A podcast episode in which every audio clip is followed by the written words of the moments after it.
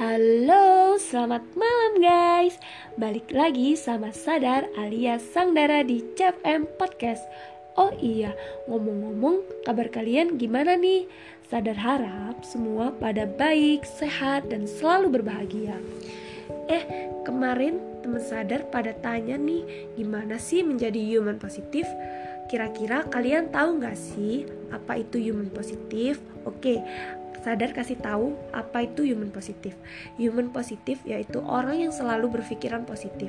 Langsung aja ke topik kali ini yaitu membahas tentang human positif. Nah, di sini sadar akan ngasih tips gimana cara menjadi human positif, yaitu pertama, kenali diri sendiri.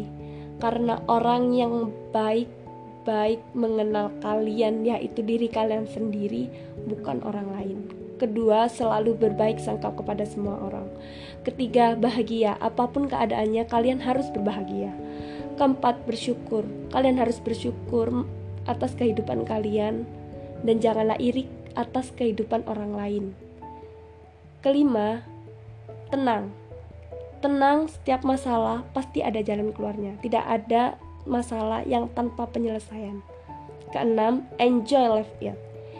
Itulah tips-tips dari sadar agar menjadi human positif dan sadar akan menyampaikan quotes dari Andri Wongso yaitu seorang motivator yang isinya coba berdamai dengan diri sendiri, berusaha mengerti, memaafkan dan melupakan, ganti dengan pikiran positif, hidup adalah perubahan, ubah jadi lebih baik. Sekian dari sadar, terima kasih, bye, sampai jumpa lagi.